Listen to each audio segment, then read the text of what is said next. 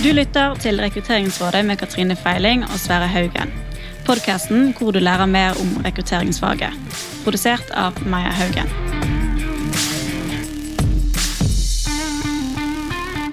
Da er vi live inne fra studio, eh, Rekrutteringsrådet, episode 67. Eh, og i, nå er det jo sånn at Vanligvis så har jeg med meg Katrine Feiling i disse podkastepisodene. Og det er en veldig fin, eh, fin sparringspartner å ha, for da kan vi snakke litt om den tematikken vi skal ha før vi begynner å gå inn på tematikken.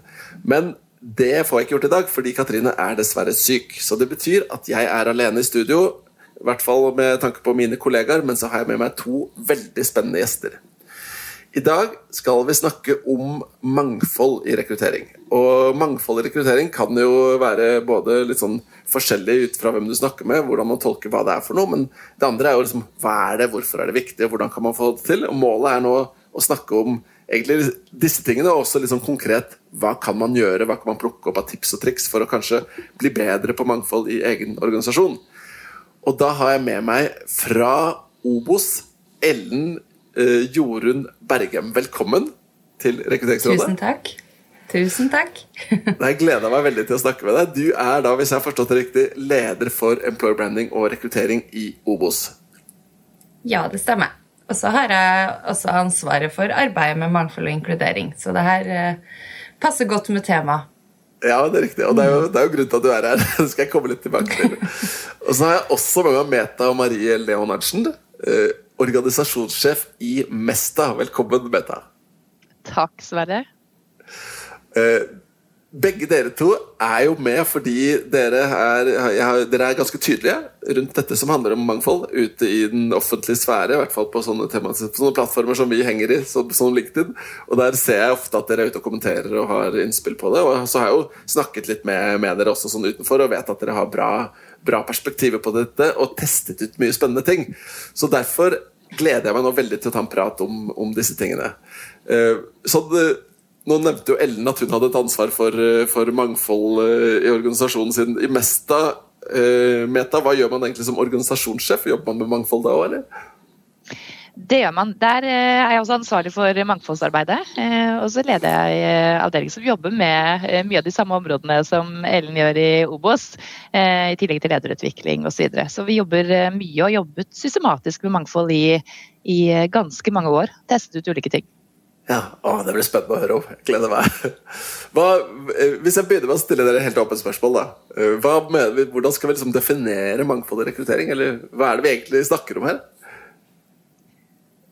Vil du hive deg ut først, eller Ellen? Så du sånn?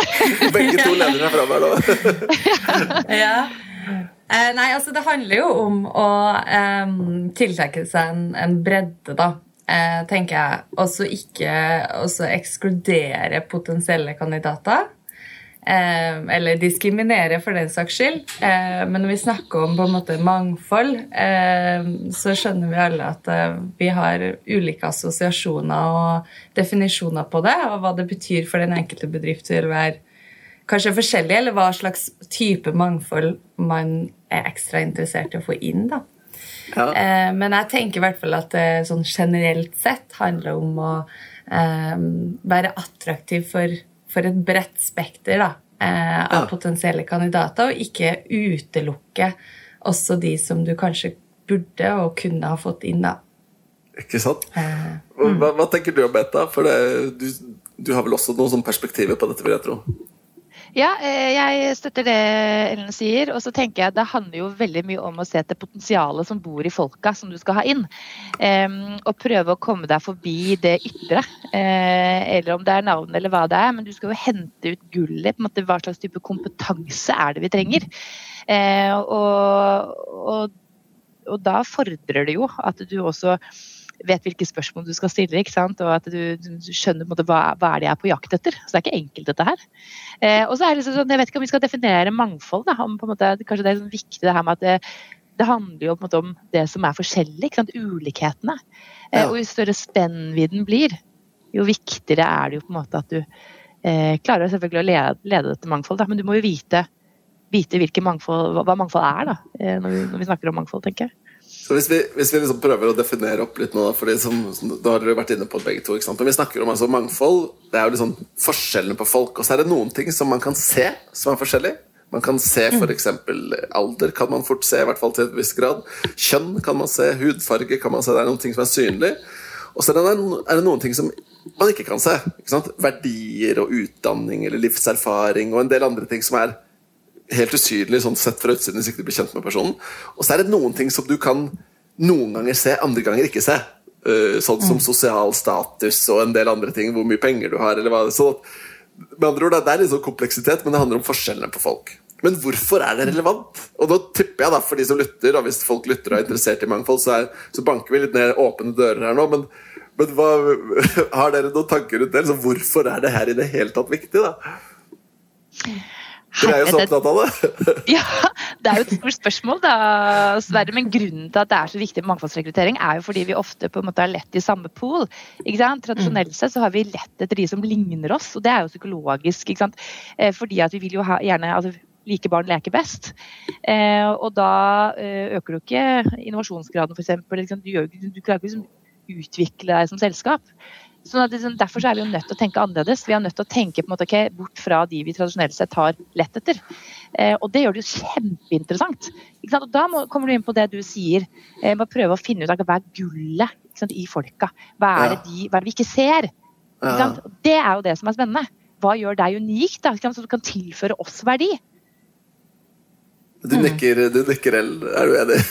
ja, jeg er helt enig. Og så tenker jeg også at uh, det å lete i samme pool Vi ser jo at gjennom historien uh, så skjer det dessverre ikke av seg selv at vi klarer å ha, være open-minded. da. fordi at, Og det er jo det som Meta sier, at det er psykologisk det her. Vi har, vi har en tendens til å gå i en del sånne eh, kalde fallgruver, da, eller måter å tenke på, som gjør at vi velge de som f.eks. ligner oss sjøl, eller eh, de som vi tror kommer til å passe inn hos oss. da. Og det er jo grunnen til at man f.eks. har jobba mye med det med å få kvinner fram i ledelse og, og, og, kvinner inn i arbeidsmarkedet på ulike fagområder, fordi det har vært mangel på det. Eh, for det systematisk over tid ikke har vært de samme mulighetene for kvinner. da. Ja, ikke sant. Eh, og det, det, tenker jeg er liksom Vi ser at når man ikke gjør et aktivt eh, arbeid rundt det, så skjer det dessverre ikke av seg sjøl. og derfor så må vi snakke om det, tenker jeg da. Ja, ja. Mm. og, så og, heldigvis så... har jo det blitt et hot tema nå, da. Så det ikke sant? Da, da, vi jo, da, vi jo, da har vi jo verdens beste anledning til å snakke om det også. Men det er, men det er i hvert fall da både, Hvis jeg forstår dere rett, da, så handler det både om å få tak i de folkene eller den kompetansen, de egenskapene man trenger. Altså ved å utvide poolen. Og det er jo veldig relevant i dagens marked hvor det er et underskudd på mange typer talent. Men det handler også om faktisk økt effektivitet og en bedre organisasjon og et bedre sted å jobbe. Mm. Så det er liksom flerfoldig, da. Mm. Eh, det, er, det er ganske mange ting som tyder på at du har helt rett, da, Ellen. At Uh, hvis ikke vi gjør noe med det, så går det galt. Hvis du ser generelt sett, Det er ulike kilder på det her, men generelt sett så er det faktisk sånn at kvinner får færre svar på jobbsøknadene sine. Um, hvis du har et pakistansk navn, så er det 25% lavere sjanse for at du får jobben. Så dette er ulike studier som viser disse tingene her. Da. Har du østeuropeisk øst eller ikke-europeisk bakgrunn, 75% mindre sjanse for at du får jobb i Norge. Det er ganske drøyt. Uh, og men hør på det her da Hvis du er overvektig, så er det 83% lavere sjanse for at du får jobben. Og, og det, sånn at Mangfold er jo mange ting, ikke sant? utover rase, utover kjønn osv. Eh, og kanskje det som, noe av det som det diskrimineres mest på, som vi også har hatt med Rekrutteringsrådet tidligere, det er det som handler om alder. Eh, 2-3% sjanse har du for å få intervju hvis du er over 65 år gammel når du søker jobb. Eh, og så blir jo spørsmålet, da. Hva kan vi gjøre med det her? Hvordan kan vi klare å adressere det? altså, jeg bare hiver meg på. Eh, mm. hvem er det da som sitter og rekrutterer? Jeg tenker eh, Det med å, å sikre at kompetansen hos rekrutterere eh, er eh, så god som mulig. Da. Jeg tenker Det er jo et kjempeviktig første trinn. Det å øke kompetansen. Eh, og det er, det er, det ene. ikke sant? Så når du Sverre, sitter og jobber med rekruttering, eller du Ellen Jorunn, eller, eller jeg, så er vi jo nødt til å være klar over de her biasene. Um, og så er det jo så klart uh, de lederne som er ansvarlig for en rekruttering, som vi ofte hjelper. Uh, de, vi er jo på en måte nødt til å være den derre um, doorkeeper, eller den som passer på ikke sant? at uh, hun eller han ikke går i de fallgruvene. Så den derre rekruttereren da, som sitter uh, med det ansvaret, er den rollen da, er utrolig viktig, og den skal du virkelig ta på alvor. Um, så jeg tenker sånn, det er det første. Jeg tenker litt, det er det første. Det er kanskje, ja, det er, kanskje det er der løsningen ligger, men så er det jo også utrolig utfordrende da, å, å løfte ledere, da, f.eks. På, på rekruttering. Så det ja, det, det kan, kan det. Og, og det, men jeg tror jo jeg er litt sånn positivt anlagt sånn som altså vi, vi, tenker jo på lederutvikling som et nødvendighet fordi at man aldri er ferdig utlært. Eh, fordi at vi, vi vet at altså bevisstgjøring rundt de her ledertemaene gjør at du blir en mer reflektert og bedre leder. Og jeg tenker det samme gjelder jo for eh, bevisstgjøring innen rekruttering og kunnskap om det. Eh, så, så, det å liksom ha et fokus på å eh, bevisstgjøre, utvikle, coache de lederne som skal være med i en rekrutteringsprosess, om ubevisste fordommer, om uh, hvorfor mangfold er viktig uh, Jeg tror jo at det har en effekt. og det er kanskje ikke gjort over natta, men det er akkurat samme som lederutvikling, noe man må kontinuerlig jobbe med. da. Men er det noen enkle triks for å få til det? Fordi Hvis du ser på det sånn som du nevner, sant, mm. lederutvikling, som er jo superviktig eh, mm. Men det er veldig få lederutviklingskurs hvor du ser rekruttering er en del av fagprogrammet. Da. Det burde det være, ikke sant? fordi det gjør jo jobben din som leder utrolig mye lettere hvis du rekrutterer godt. Men mm. så kommer du inn, da, så skal vi som enten HR eller rekrutteringsrådgiver eller hva vi nå skal være, prøve liksom å få disse lederne til å bli bedre på det her. Det er ikke dette de mm. gjør det er i hvert fall sånn Mentalt så er liksom rekruttering mm. den viktigste jobben du gjør som du aldri har tid til. Ja. Så hva kan man gjøre liksom, for å løfte organisasjonen? da? Det, det er vanskelig. Jeg kan si noe vi, eh, noe vi har gjort da, som vi akkurat har begynt å rulle ut. Så, um, det er at vi har utviklet et kurs i inkluderende rekruttering som eh, er obligatorisk for alle ledere som skal rekruttere. Um, og For et år siden så fikk vi støtte av IMDi. Dette er litt sånn virkelig tips. Altså, det er jo en uh, veldig godt råd, tenker jeg, til å faktisk få utviklet noe uh, internt. Og Det er et kurs med åtte moduler, hvor vi går gjennom hele prosessen fra jobbanalyse til på en måte forstå verdien av, eh, av mangfold og inkluderende rekruttering. jobbanalyse, ubevisste fordommer osv. Så, videre. så det det, Da istandsetter vi lederne til å bli bevisst før de faktisk får lov til å rekruttere. Um, kan, man, kan, man, eh, sende folk på kurs hos dere på det her, eller er det bare internt? Nei, altså. Jeg er jo veldig glad i å dele. Så hvis det er noen som er nysgjerrig på hva dette kurset, hvordan det er bygget opp, så skal jeg mer enn gjerne dele, dele det. Ja. Jeg kan jo si at Vi har jo gjort akkurat det samme også. Eh, vi, har, eh, vi, har, jo kjørt eh, rekruttering som en del av lederakademiet i Hobos. så der er det jo Det har vært eget, en egen workshop som vi har kjørt jevnlig. Men nå har vi også gjort et digitalt kurs med flere moduler hvor vi går inn i alle disse temaene. da og hvor mangfoldsrekruttering er en integrert del av det. Fordi det henger så tett sammen med det du egentlig skal gjøre i rekruttering. Ja. Som uh, Meta var inne på, det starter med en god kravspesifikasjon. Du må vite hva du leter etter. Uh, og, og, også holde deg til det og bestemme deg for hvordan, hvor mye du skal vektlegge uh, alle de måte beslutningsinformasjonen du får da, underveis eh, når du til syvende og sist skal velge. Hva er det du vektlegger mest? Det magefølelsen? Er det de faktaene du har fått på bordet? Er det det du eh, Ja, lar du deg, lar du deg påvirke av rekrutteringsteamet når du diskuterer kandidaten etterpå? Alle de tingene der må man ha et bevisst forhold til, da. Så det vi snakker om nå, det er jo liksom Kall det ett tiltak som handler om mm. uh, altså øke kompetansen da, hos de som rekrutterer. Kompetanse. Ja. Som er veldig relevant. Og der er det vel bare er det vel kanskje Hvis jeg prøver å, å, oppsummere litt det dere snakker om, da, sånn som jeg oppfatter det, så er det to ting. Det ene er liksom holdninger, forståelse for beslutningsfeller og forståelse for egne feil man kan gå i. Det interessante der er jo at alle går i de fellene. ikke sant? Jeg gjør det av og til, og dere gjør det av og til. og Vi kan alle gå i det, men å være bevisste, da. Og det andre handler om ganske enkelt rekrutteringsfaglig forståelse på, som du sier, eller begge to sier, kravspekk først. Gjøre, vite hva du ser etter, vite hvordan du ser, finner de tingene da. Istedenfor å anta at fordi du ser sånn ut eller er sånn, så har du ikke det. Ikke sant? Som er ofte det klassiske da. biasen. Er det noen andre mm. ting vi kan gjøre enn det? For da er vi på bevisstgjøring. Er det noe annet vi kan gjøre? Altså, jeg tenker i hvert fall at for våre ledere så opplever jeg en endring eh, også fordi at det er veldig tydelige forventninger fra toppledelsen på ja. at det her er viktig. Og også fordi at det har på en måte blitt et tema. Eh, vi har en egen strategi på det.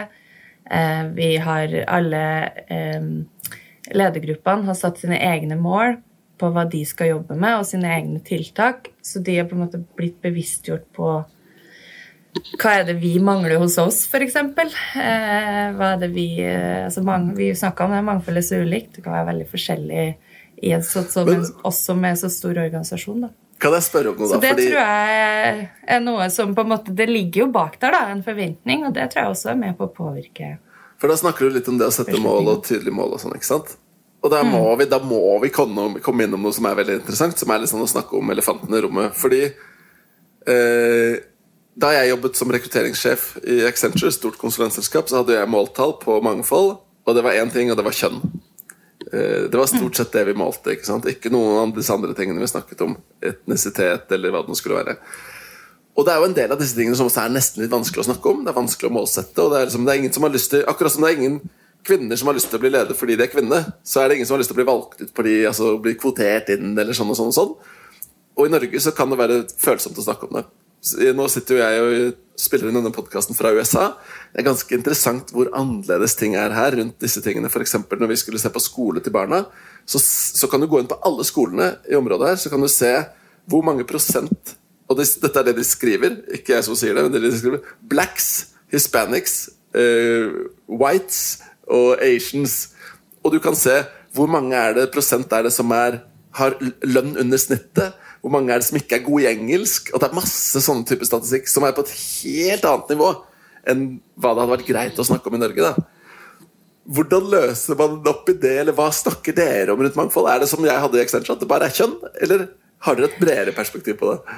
når vi snakker om mangfold eh, i Mesta, eh, så snakker vi om det bredere perspektivet. Men det du sier er et veldig godt spørsmål, og det er det som gjør det komplisert. Fordi du kan ikke måle andre etnisiteter.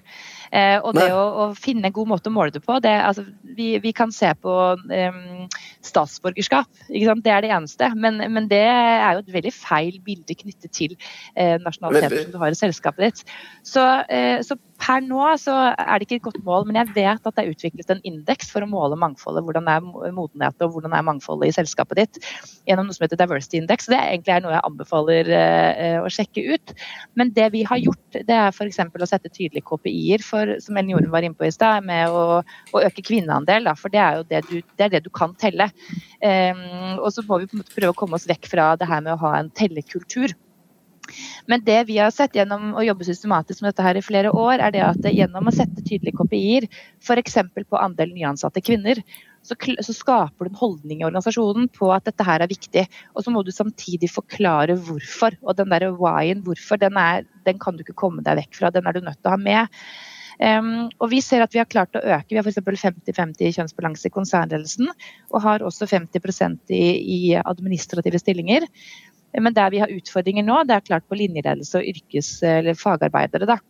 Men da har vi også en mulighet til å okay, snevre inn KPI-en. Og si det at ok, nå er det ikke lenger en utfordring i, i, noen deler av organisasjonen, så da går vi rett på de målgruppene hvor vi ser at vi er nødt til å jobbe tydeligere. da. Um, så det er måten vi bruker den KPI-en for å ja. tvinge ledere rett og slett til å på en måte, dette er viktig. Um, er det, hva, med, hva, med, hos dere, Ellen? Er det, er det litt samme der? Ja, det er det samme der i forhold til Vi kan heller ikke telle noe mer enn eh, Mesta kan.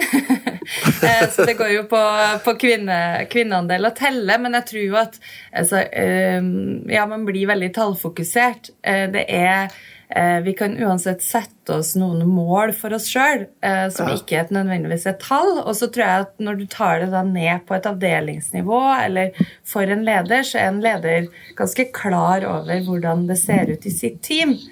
Eh, og det der man må være det, Hele poenget med å sette mål er å eh, jobbe strategisk og være bevisst på hvilke handlinger du gjør for å oppnå de målene, da, tenker jeg. Ja, ja. Eh, og målene i seg sjøl kan være veldig ulikt i- innad i en organisasjon, men det å bevisstgjøre de å sette seg noen mål og tiltak, eh, det tror jeg er det aller viktigste. Så er det eh, ja, Eksempelvis er det kvinner du eh, mangler i ditt team, da, så, så er det det du skal ha som bilde på stillingsannonsen din. Og da skal du også passe på hvilke ord du bruker. Altså, da er vi på konkrete tiltak i rekruttering. da. Sånne ting ønsker jeg jo at de vil gjøre. da. Eh, og så ser man jo at eh, det vet Meta også, at jobber man målretta i en organisasjon med f.eks. kvinneandel, så følger gjerne resten på. Vi begynner på en måte å berede grunnen for et bredt mangfold da, ved å jobbe med én ting. Mm. Og det du sier der tror jeg er veldig viktig, fordi du gir det et språk. Eh, og Mm. med en gang du begynner å jobbe med en av dimensjonene, eh, så, så er det enklere å begynne å jobbe med flere etter hvert. Mm. Um, da har vi vært litt innom, vi har vært litt innom liksom lederkompetanse, og så har vi snakket litt om holdt på å si, kompleksiteten i liksom, hva er det egentlig man måler. Vi snakket jo først om hva er egentlig mangfold. Um, er det noen av dere som har gjort noen grep med prosesser, eller måten man kjører rekrutteringen på? For der kan man jo også gjøre mye forskjellig, hvis vi tenker liksom alt ifra hvordan man skriver en tekst, hvilke bilder man bruker, til hvem man stiller med på intervju, hvilke spørsmål man stiller på intervju, eh, etc.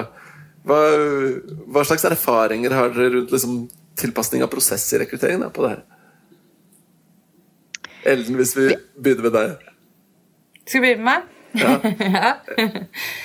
ja eh, det har vi jobba ganske mye med. Vi har jo vi, vi har en sånn eh, tanke om at det er vi ikke ferdig med heller. Så det, det er egentlig det teamet hos meg jobber mye med, er å se på hvordan vi hele tida skal bli bedre på, på rekrutteringsprosessen. Eh, og i forhold til mangfoldsrekruttering så tenker jeg at utgangspunktet for ulike bedrifter er nok ganske forskjellig. Du har jo de som eh, kanskje ikke har en strukturert eller en type eh, ferdig pakkeprosess eh, i det hele tatt. Så da er det første steget og første anbefalinga mi å begynne å, å strukturere opp hvordan du ønsker at rekrutteringsprosessen eh, skal være, eh, sånn at du kjører lik prosess i eh, selskapet, da. Eh, men for vår del så har vi jo hatt det lenge. Men eh, vi, vi kjører jo eh, nå eh, eh, ja, i hvert fall to intervjuer. Vi, vi bruker flere seleksjonsmetoder, så vi bruker også tester i andregangsintervjuet. Har dere da- gjerne. Bare spørre, Har dere da liksom valgt tester Fordi tester kan man jo bruke på mange ulike måter, også som et verktøy for mer rettferdig, kall det anonymisert rekruttering. da. Har dere hatt med det inn i vurderingen der, eller? Det er jo liksom noe av det med tester som vi driver og ser litt på nå. Hvordan kan vi bruke, og hvordan bør vi bruke de? Ja. og, eh, så det har nok vært mer tilpassa stillinger eh, som sådan, da. Som vi har brukt det til. Eh, for å, for å ja, prøve å, få mer dybde i, i kompetansen, egentlig, da. Mm. eh, så, så der har egentlig clouet vært å klare å være tro til hva er det egentlig mm, som er viktige kompetanser i denne stillinga, og prøve å også bruke tester for å måle det. da. Ja. ja. men eh, vi har jo også diskutert og sett litt sånn mer på f.eks. de Det kommer jo en del tester nå som mm, tester der, altså der du bør teste tidlig. for ja. å få en score, f.eks. Eh, og så er spørsmålet funker det i rekrutteringsprosesser hvor det kanskje er tre kandidater, da? Ja, det er noe med det. Mengderekruttering, ikke sant? Altså sånn, Så vi diskuterer de tingene hele tida da, når vi veier hva vi skal bruke, egentlig. Ja. Eh, men det som vi gjorde nå eh, som vi implementerte i vår, var et nytt rekrutteringssystem. For det var en av de tingene når jeg fikk den rollen her i 2020, gikk i gang med. Det var å bytte rett og slett systemet. Fordi at eh, det var ikke kandidatvennlig. Ja. Det var heller ikke så veldig vennlig for oss som satt og brukte det. Eh, og, vi er jo, ja, og vi er jo en organisasjon hvor lederne har et ganske viktig altså De har en stor rolle i rekrutteringsprosessen. HR er rådgiver og er med i andregangsintervjuet. Eh, altså Resten gjør leder. De screener, de kaller inn, de gjør alt. ikke sant? Så det er veldig viktig at det systemene støtter opp under det, sånn at de leverer en god kandidatopplevelse og også gjør en god strukturert prosess. da. Så da jobber vi mye med kravspekken eh, på den. Eh, og det å senke terskelen for å søke er også viktig i mangfold. Vi fikk mulighet til å lage enda bedre stillingsannonser, så hvor vi også kunne fremme det at vi er åpne for alle. Eh, og vi fikk funksjonalitet for anonym rekruttering, så vi driver og tester ut nå, da. Nei, det er spennende. Da må vi kanskje ha dere litt Ja. dyp prat når dere har sett på det. Eh, Ja, jeg tror kanskje det har jo Meta mer erfaring med, eh, for de har kommet lenger der enn oss. Så vi er helt sånn i pilotfase da, på det, og er ganske sånn usikker eh, På- om det er riktig også å gjøre. Det kan vi jo snakke litt mer om. Der hadde vi, hadde vi for så vidt en sånn veldig interessant eh, prat med, med Skatteetaten. Og han, eh, Hanne i Skatteetaten hun, hun sa det som trikset er å kalle en pilot. Så gjør det det lett å teste det, og så er det ufarlig. Og så hvis det går bra, så tar du det videre. Hvis ikke, så kan du skrote det. Så er det, Ja, det er jeg veldig noe- tilhenger for. Ja, for Hvis ikke så blir det så omfattende. da Men Meta, eh, hva med dere? Prosesstilpasninger eller endringer? Nå nevner Ellen at dere har testa ut anonym rekruttering. Var det det du kalte det? Stemmer det? Jeg vil si at det hadde, i hvert fall til oss har vært snakk om anonymisering og ikke blind screening, som er kanskje enda mer omfattende, da. Ja, når det gjelder eh, hvilke prosesstilpasninger som vi har gjort, så har vi gjort en god del. Vi byttet også for et par år siden rekrutteringsverktøy, og det var et veldig viktig skritt. Eh, og der, eller Det rekrutteringsverktøyet som vi gikk over til, de hadde muligheten for blind screen, eller anonym eh, kandidatbehandling. Det kjørte vi på med en god stund. Og testet det ut. Vi kalte det en pilot, eh, men vi valgte å gå vekk fra det eh, igjen. Og det handler jo om at eh, Det var flere årsaker til det. Vi syns ikke det fungerte godt nok. Og ved å skjule navn i første omgang, du skjuler, navn og, kjønn, som gjør at du selvfølgelig rekrutterer kun ut ifra CV. Men du utsetter bare problemet. Det var litt vår erkjennelse at du gjør jo egentlig ingenting med biasen og fordommene. Og det gjorde også at vi klarte ikke å måle kandidatene som søkte. Eh, så vi mistet en del viktige data som eh, er relevant for oss, da, som vi bruker mye. Så det var grunnen til at vi kuttet ut det. Men det vi også gjorde i samme periode som hadde veldig god effekt, var det at vi så det at de som søker til oss, det er en stor del av fagarbeidere, eh, men også veldig mange mm, kunnskapsmedarbeidere. Det er ingen som har tatt et kurs på BI eller på yrkesfag eh, i hvordan skrive en god søknad. Så vi valgte å kutte bort søknadsbrev i alle prosesser eh, og endret til utvalgsspørsmål. Og der er vi mye mer opptatt av hva er motivasjonen din, engasjementet ditt, og hvilken erfaring er relevant for oss da, i den Mm. prosessen som vi eh, jobber med. Og det gjorde at vi økte eh, veldig eh, mye når det kom til eh, antall søkere. Og vi også tilgjengeliggjorde å søke på mobil, for vi ser at det er en plattform som veldig mange sitter på. Og kuttet også ut, eller gjorde det valgfritt da, å legge ved CV. Og da økte, økte vi også enda mer, eller ytterligere. Da. Så vi ser at det er gode grep da, som fungerer godt. Så det er absolutt noe som jeg vil anbefale. Prosessuelt. Så, tror jeg liksom det, er, det er et annet grep som jeg vil anbefale dere, da, som, som dere kanskje allerede gjør. Men nå er jo jeg på, på den andre siden av bordet. Jeg har jo sittet og vært inne og rekrutterer som dere, men nå er jeg jo en tjenesteleverandør. Noen kunder jeg jobber med, stiller veldig tydelige krav. De sier ikke sant, vi forventer at det er en balansert shortlist da, eh, som, som representerer et mangfold, med tanke på om det var det ene eller det andre. da. Og Der er det faktisk studier som viser at det har veldig mye å si hvis man f.eks. vil ha flere kvinner inn i roller, inn i jobber. Hvis du går fra én til to kvinner i shortlist, så øker sjansen med Og det er hele 79 ganger større sjanse for at du ansetter en kvinne. da, er det studier som viser. Og det er jo enorm forskjell, bare for å gå til én til to. Så det å til oss da, si ja, men vi det en, tar det som en selvfølge at vi skal levere på det, det er jo et, et veldig sånn, konkret grep man kan gjøre. da. Som, Men det er jo noe vi ikke har snakket om eh, enda, Sverre. Og det er jo bruk av eksterne eh, leverandører. Og det, kan vi snakke ja. mye om. Men det å stille krav både til dere som leverandører, men også i verdikjeden til alle ja. det er utrolig viktig. Eh, for der ser vi at vi har en del eh, glipper på bemanningsforetak f.eks. som lyser ut stillinger for oss. Eh, så kan for, for eksempel, vi hadde, Det har jeg bare lyst til å nevne nå, for det er klart at vi gjør mye bra, men vi ser også at vi kan også gå på smeller. da. Vi hadde nettopp en prosess et sted i landet hvor det var et bemanningsforetak som la ut en annonse for oss. og Der sto det 'Vi søker en mann' til mm. en uh, fagarbeiderstilling. Og det er klart at det, det, var veldig pinlig for oss. Eh, og den hadde jo ikke gode, gått gjennom noen, eh, noe godkjenning, men når vi oppdager slikt, så det, blir det en bevisstgjøring på at eh, vi må ikke bare jobbe internt, vi må også jobbe med kundene våre og de vi, de vi bruker. Um, ja. Så verdikjeden er kjempeviktig. Og det, og det, det, du sier der, er jo liksom en sånn helt åpent opp i dag en grov feil, ikke sant. Eh, der jeg merker liksom jeg, som jeg tar meg i det, eller hvor jeg må jobbe med det, og, og prøver å jobbe med det, det er f.eks. når vi kjører stillingspodkaster. Vi tar jo podkastintervjuer med alle roller vi rekrutterer til.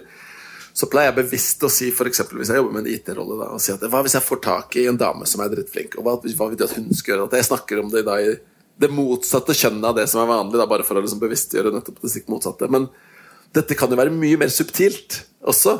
Og det er jo sånn at Hvis du ser på ordene som du bruker for en stillingsannonse, så er det noen ord som, er, som, gjør at flere kvinner søker, eller flere menn søker, sammenlignet med hverandre. Da. Så ordbruken er viktig. Uh, og der, uh, Verste eksempelet jeg har vært med på der, er jeg kjørte en stilling rekruttering hvor jeg hadde da Det var et ønske fra oppdragsgiver om å få inn flere kvinnelige søkere. Vi har den ute, så kommer det bare gutter som er interessert. Og så bytter vi to ord i annonsen, og så får vi da en majoritet kvinner. Og det er effekten av å ha de viktige, riktige ordene. da. Det er veldig interessant det du sier, og det tror jeg er, er Min erfaring er også at, eh, at stillingsannonser har kjempemasse å si. Og, eh, så er det også sånn at det er veldig få som er utdanna skribenter sant, der ute. Og de syns det er vanskelig å skrive stillingsannonse. De syns også det er vanskelig når de hører eh, ja, men du må bruke ord som kvinner tiltrekkes av, eller som ikke diskriminerer mm. menn. Og så, ja, men hvilke ord da? Hva ja. er det jeg skal bruke? Ja.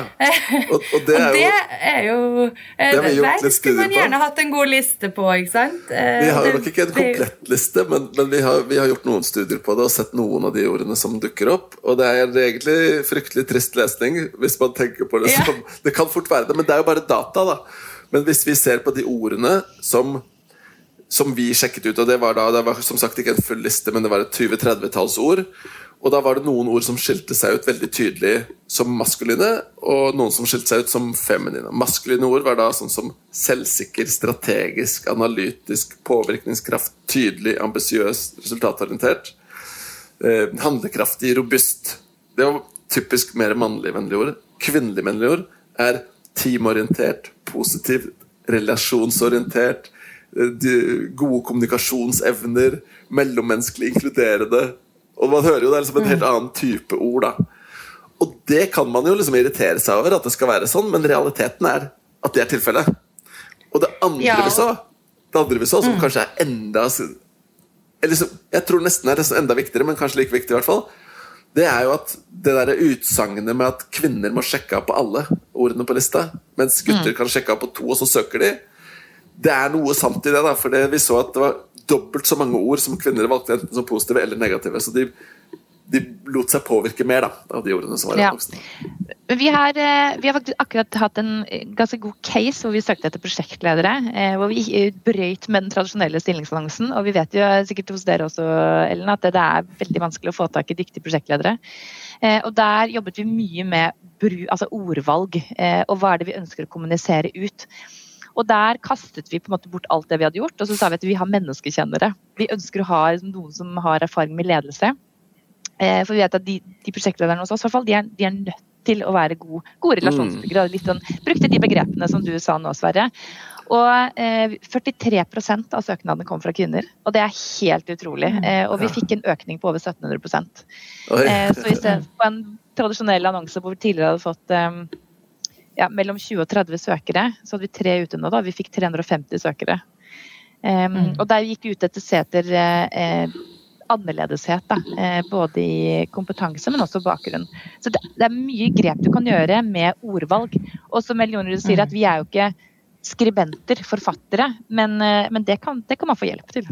Det kan man få hjelp til. Ja, og det tenker jeg også man må Ja. benytte seg av. Og så er det jo eh, jeg tenker jo, Det har jo vært veldig mye snakk om det med altså, det, I 2022 så har det vært året for, eh, for employer branding. ikke sant? Det å, eh, og, og kandidatopplevelse. Og virkelig liksom markedsføre seg, snakke til, til den du skal rette deg mot osv. Eh, og det tror jeg også gjør egentlig annonser mer kandidatvennlig. Eh, så, sånn at eh, det å være litt mer Kanskje litt mer uformell, eh, det å kanskje droppe eh, smørbrødlista, men skrive det ut i hva er det egentlig du Ja. mener med de Ja. ordene.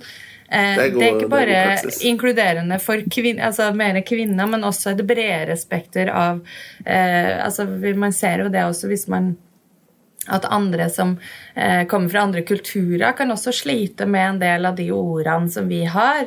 Mens når du beskriver hva det er egentlig du mener, så, så er det mer inkluderende. Så, så jeg tror jo det har en effekt bare det å, å være bevisst på å skrive gode Ja, stillingsannonser. ja, ja, klart. Eh, Så også, også sånn som de ordene du sa som ambisiøs, er jo mange kvinner som, eh, som kan kjenne seg igjen i det. Men kanskje hvis du dropper å skrive sterkt ambisiøs eller eh, høyt Altså liksom de her ekstreme versjonene. Og så tror jeg noen ganger- backer vi bak, da. Ja. Og så, og så tror jeg noen ganger ikke sant, ta for eksempel om, det, om du har gjort kravspekken din, og så har du sett at ja, men her er det viktig at du er ambisiøs, så kan Mm. du faktisk ha det som et krav uten at det står i annonsen. For det er noe du Mm. kan sjekke av i et intervju senere. Det er ikke det du skal skrine på, kanskje. For da vil du fort få folk som faller fra. Som er, ja. Det er et godt poeng. Men Mm. Nå er det, dette er jo så spennende at tida flyr fryktelig fort. Vi er egentlig litt på overtid allerede. eh, så vi er nødt til å gå inn for en landing. Det kan være at vi må ta en liten sånn oppfølger, oppfølgerprat om det her ved en senere anledning. For det er, det er helt sikkert mange andre ting vi kunne snakket om rundt dette. Før vi runder av, så har jeg lyst til å stille dere de to faste postspørsmålene som, eh, som vi pleier å stille i Rekrutteringsrådet. Det ene er Eh, og da, da slipper vi nå tematikken. Dere må gjerne gå innom mangfold her òg, dere kan dere velge, men nå er dere fristilt. Nå kan dere snakke om hva dere vil. Første spørsmål Hva er den verste rekrutteringsopplevelsen du har vært med på? Og du kan velge hvilken side av bordet, da, siden dere sikkert har vært på begge. Meta, hvis jeg spør deg først. Da velger jeg som kandidat, da. Eh, Jeg har blitt to ganger i løpet av det siste året her, så jeg er blitt kontaktet av uh, sånne som deg, Sverre. Det var ikke meg, for, for the record. Hodejegere som da Mannlige, da. Som har kontaktet meg i, uh, i prosesser, da. Uh, og det jeg syns er helt utrolig, er at den ene av de spurte bare sånn etter vi hadde hatt en veldig hyggelig samtale, og så sier hun du, bare siste spørsmål, har du mann og barn?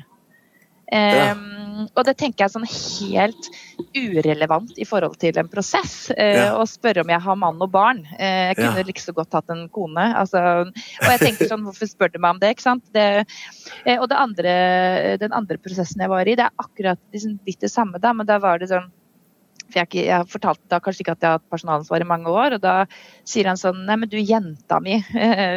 Nå skal jeg fortelle deg hvordan du eh, skriver eh, på LinkedIn, f.eks. Men det, var veldig typisk Jenta mi kalte han meg.